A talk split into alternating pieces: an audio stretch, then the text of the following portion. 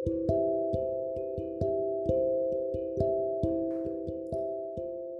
ini, mentari menyapaku malu-malu dari sela-sela jendela kamarku. Bolehkah aku menyapamu pula melalui lembar demi lembar yang masih kosong ini? Menyoretkannya dengan tinta hitam hingga putihnya tak banyak terlihat lagi.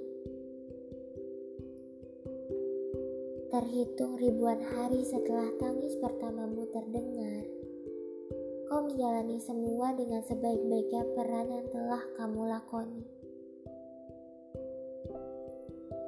Tumbuh menjadi manusia menyenangkan, menjadi pencipta bahagia yang bukan hanya untuk dirimu sendiri namun juga untuk orang-orang di sekitarmu. Sudah cukup banyak kerikil yang kamu lalui semenjak langkah kaki pertamamu hari itu. Meski kadang-kala kamu jatuh, sempat mengeluh, tapi kamu tidak membuat sakit itu sebagai akhir dari semua pencarianmu. tetaplah menjadi manusia kuat. Kuat menerima semua luka, kesedihan, bahkan gagal yang mungkin akan melipir dan menghampirimu suatu saat nanti.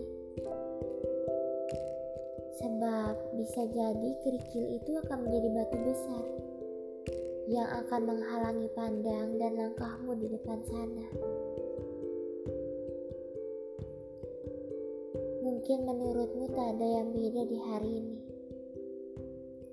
Namun, tepat beberapa belas tahun yang lalu, ada tangis yang begitu dinanti oleh banyak orang. Aku tahu kau tak suka perayaan. Itulah sebabnya tak ada sedikit pun hal yang tengah aku rayakan. Hanya saja, ada sedikit syukur yang aku panjatkan karena kamu masih ada di bumi ini. Masih menjadi manusia baik. Tidak ada pula hadiah-hadiah istimewa yang mampu aku berikan. Selain doa-doa baik yang aku langitkan untukmu. Semoga terdengar. Semoga dikabulkan.